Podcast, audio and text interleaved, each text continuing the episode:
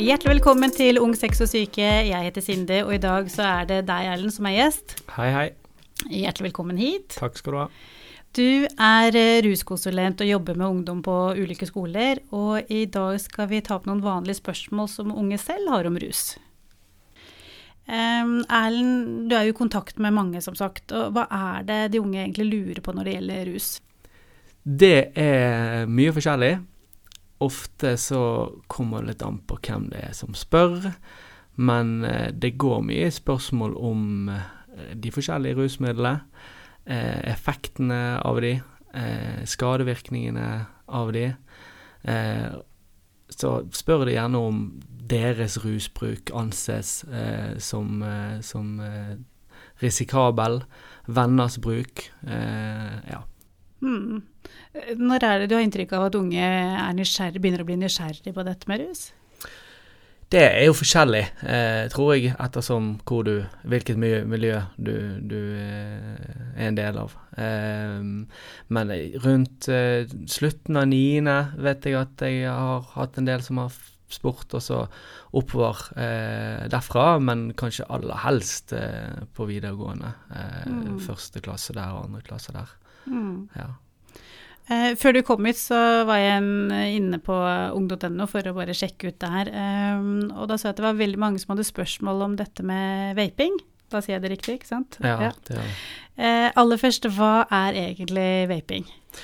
Vaping, det, det man, Jeg vil jo kan dra det til eh, Kanskje først snakke om en e-sigarett, da. Eh, det er jo det egentlig det handler om. Altså en elektronisk sigarett.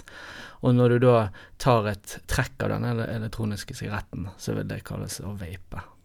Ja, og det er jo da det som skjer, det er jo det at det er en væske, eh, ofte smaktilsatt, eh, oppi denne elektroniske sigaretten, som da blir varmet opp av et element inni som går på batteri, og som da blir varm, og så skaper det en damp, og så vil det da komme ut eh, på munnstykket på denne elektroniske sigaretten, og så inn i munnen, da, og ned i lungene.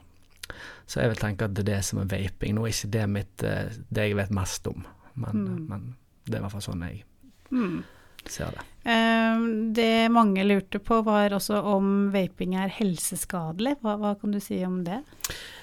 Um, det er eh, forskere det, det, det, er lite forskning eh, på det. Eh, og eh, nå har jeg lest meg litt opp eh, på det feltet, og det jeg ser, det er det at det er litt ulike meninger eh, om helseskadene.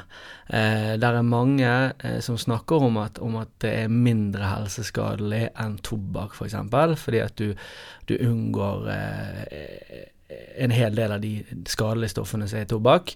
Eh, men, men, det er også en del forskere som mener at det er elementer i eh, disse her eh, væskene da, eh, som har skadevirkninger eh, ved seg, og, og bl.a.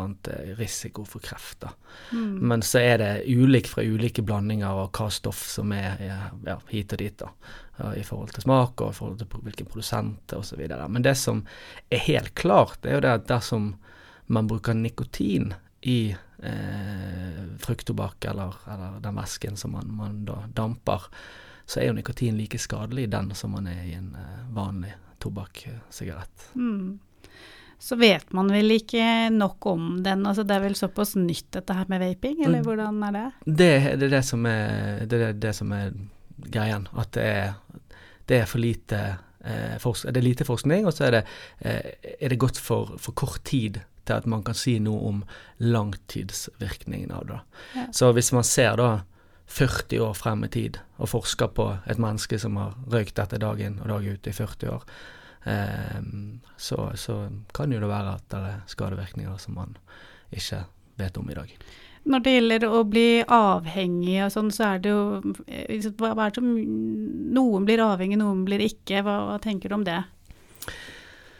Eh, avhengighet eh, tenker jeg handler om eh, genetikk, altså eh, sårbarhet. Eh, hva man har med seg i, i i, fra fødsel av. Um, og så tror jeg avhengighet også handler om miljømessige faktorer. Eh, både fra, fra hvordan man, er, man, har hatt det i livet, eh, både fra barndom og opp, og, og selvfølgelig også eh, hvis man snakker om rus og den type ting, eh, så vet man at, at, at eh, miljøfaktorer der og da også, altså henger man i i, i miljøet, er man sammen med andre som, som, som utvikler avhengighet, så, så, er det enklere å, å utvikle avhengighet sjøl. Mm. Så, så, det kommer nok litt an på, på, hvem man er, og omstendighetene rundt. Mm. Og det som kan være farlig ved det, er at du, du, vet jo ikke helt hvordan man vil reagere på ulike ting man prøver ut, da, på forhånd. Nei, eh, det vet man ikke. Eh, noen kan prøve rus og, og eh, ha en, en, få en effekt, en ruseffekt, og, og, og, eh, ikke oppleve noen skadevirkninger i stor grad, mens andre kan prøve samme rusmiddel, samme dose, og, oppleve at de får negative effekter ved det. Mm. Så man er, man er forskjellig, absolutt. Mm. Eh, og så lurer jeg litt på, når eh, ungdom kommer til deg, er det fordi de er bekymret for andre, eller er det bekymringer for seg selv, eller hva? De aller fleste, eh, altså majoriteten av de ungdommene som tar kontakt med meg sjøl, tar ofte kontakt eh, med meg pga. at de er redd for en venn, mm. en søster, en bror, eh, noe i den duren. Eh, at de opplever at det er eh, en bruk av rusmidler som eh, eh påvirker eh, deres venner eh, negativt, og ønsker ofte da å vite hva de kan gjøre for å hjelpe vennen sin. Mm. det vil jeg si er majoriteten. De, de, ja. men så har du også ungdom som tar kontakt direkte. Um, fordi at de sjøl opplever at de bruker rusmidler på en sånn måte som gjør at det påvirker livet ellers uh, negativt.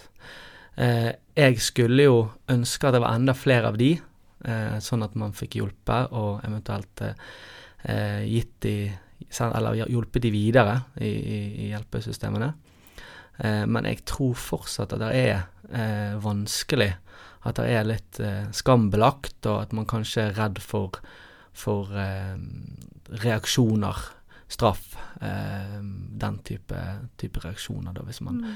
hvis man tar kontakt, som gjør at, at, man velger å la være, da.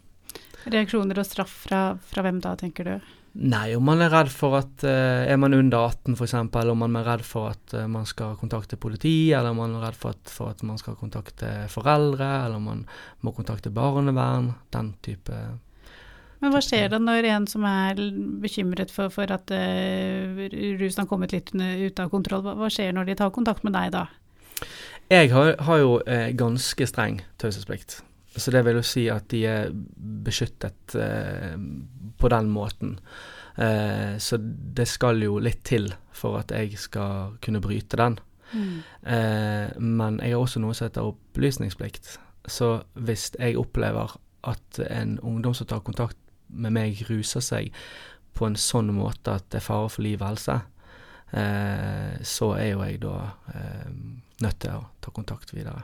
Mm. Mm. Og da er det de tjenestene jeg nevnte nå, som eh, Nei, ikke, ikke, politi, selvfølgelig, men, men barnevern og foreldre. da, mm. Så blir det Ja. Men når man først har tatt kontakt med deg, så er man jo kanskje motivert til å ta et skritt til å prøve å få noe hjelp. Ja, og det har jo også noe å si. Mm. Hvis man tar kontakt med meg for å, å, for å motta hjelp, og eh, den hjelpen tas imot, og man tar steg i riktig retning og, og, utvikler seg positivt, så er jo det så er det en grunn til at man ikke trenger å, å Altså at ikke opplysningsplikten slår, slår inn. da, mm. sant? Så og ditt mål er jo å hjelpe, ikke straffe. Alltid. Mm. Hver eneste gang. Vi har snakket om dette her i en tidligere episode, men, men du snakket om det når det kommer noen er bekymret for en venn eller søster eller bror. Hva, kan du bare gjenta litt, hva, hva, tenker du at man kan Hvordan kan man best støtte en som, uh, en som har problemer med rus? Det er jo så, kom, altså det kommer nok kommer jo litt an på hvor stort eh, rusutfordringen er. Hvis det er sånn at man er eh, på det stadiet at man er bekymret for livet, så eh, mener jeg at man bør kontakte voksne. Eh, nå snakker jeg mest med ung, ungdom som er Mm. under 18, så da bør man kontakte noen voksne, eh, mener jeg. Om det er eh, hjelpeinstans eller om foreldre eller en onkel, tante, en man stoler på. Eh, hvis det ikke er sånn eh, at, at man er bekymret på den måten, så pleier jeg ofte å si til, til de ungdommene som, som spør at, at det viktigste du kan gjøre, er å være en venn. Og så kan man tenke seg litt eh, sjøl om hvordan ville man sjøl ønsket å bli møtt hvis det var man sjøl som hadde utfordringen. Og jeg tror ikke at det er noe, noe, noe hokus pokus eh, nødvendigvis, men at eh, kjærlighet, omsorg, tilstedeværelse eh, kanskje bidrar til, til eh, arrangementer eller, eller eh, ulike happeninger som ikke har rus. Eh, der man ikke, altså rusmidler ikke brukes, eller ja, bidra til, til at eh, kompisen din eller venninnen din har det, har det bra, rett og slett. Og være der for dem. Mm. Eh, Og hva slags råd vil du gi til en som da er i et Eller har mye rusproblemer, da, hvis man selv har lyst til å slutte? Hvordan skal man gå frem for å ja, eh, prøve å slutte? Det første steget er vel gjerne å, å eh, prate med noen. Eh, ofte så er det sånn at hvis man skal ta imot hjelp, så må man sjøl erkjenne at man har en utfordring som man trenger hjelp til. Så det å ta kontakt med, med en, en som man kan prate med, og kanskje reflektere litt rundt egen rusbruk, være åpen, og være også åpen for andres synspunkter og meninger rundt rusbruken. Eh, og, og rett og slett eh, ja, prøve, prøve å reflektere rundt det og, og, og finne ut om dette er noe som er en, en utfordring for deg. Og så deretter så vil jo jeg eh, råde til å ta kontakt med hjelpeinstanser, sånn som oss f.eks. i skolehelsetjenesten eller andre tilbud som, som er rettet mot, mot eh, barn og unge i, der man også er opp. Mm. Tusen takk for at du kom, Erlend. Bare hyggelig. Eh, og så er det jo sånn at eh, alle kommuner og bydeler de har jo egne ansatte som deg, Erlend, eh, som kan hjelpe hvis du Mm. har problemer med rus. Så hvis du er bekymret for deg selv eller andre, så er det hjelp å få. Og så er det mm, et nummer du kan ringe. Du kan ringe Rustelefonen på 08588, eller gå inn på Rusinfo sine nettsider. Og så finner du også mye info om rus på ung.no. Men husk, snakk om det, du er ikke alene. Mitt navn er Cindy Engmark Sandvold, det tekniske var ved Helle Midtbø. Helle og Cindy har også hatt det redaksjonelle ansvaret.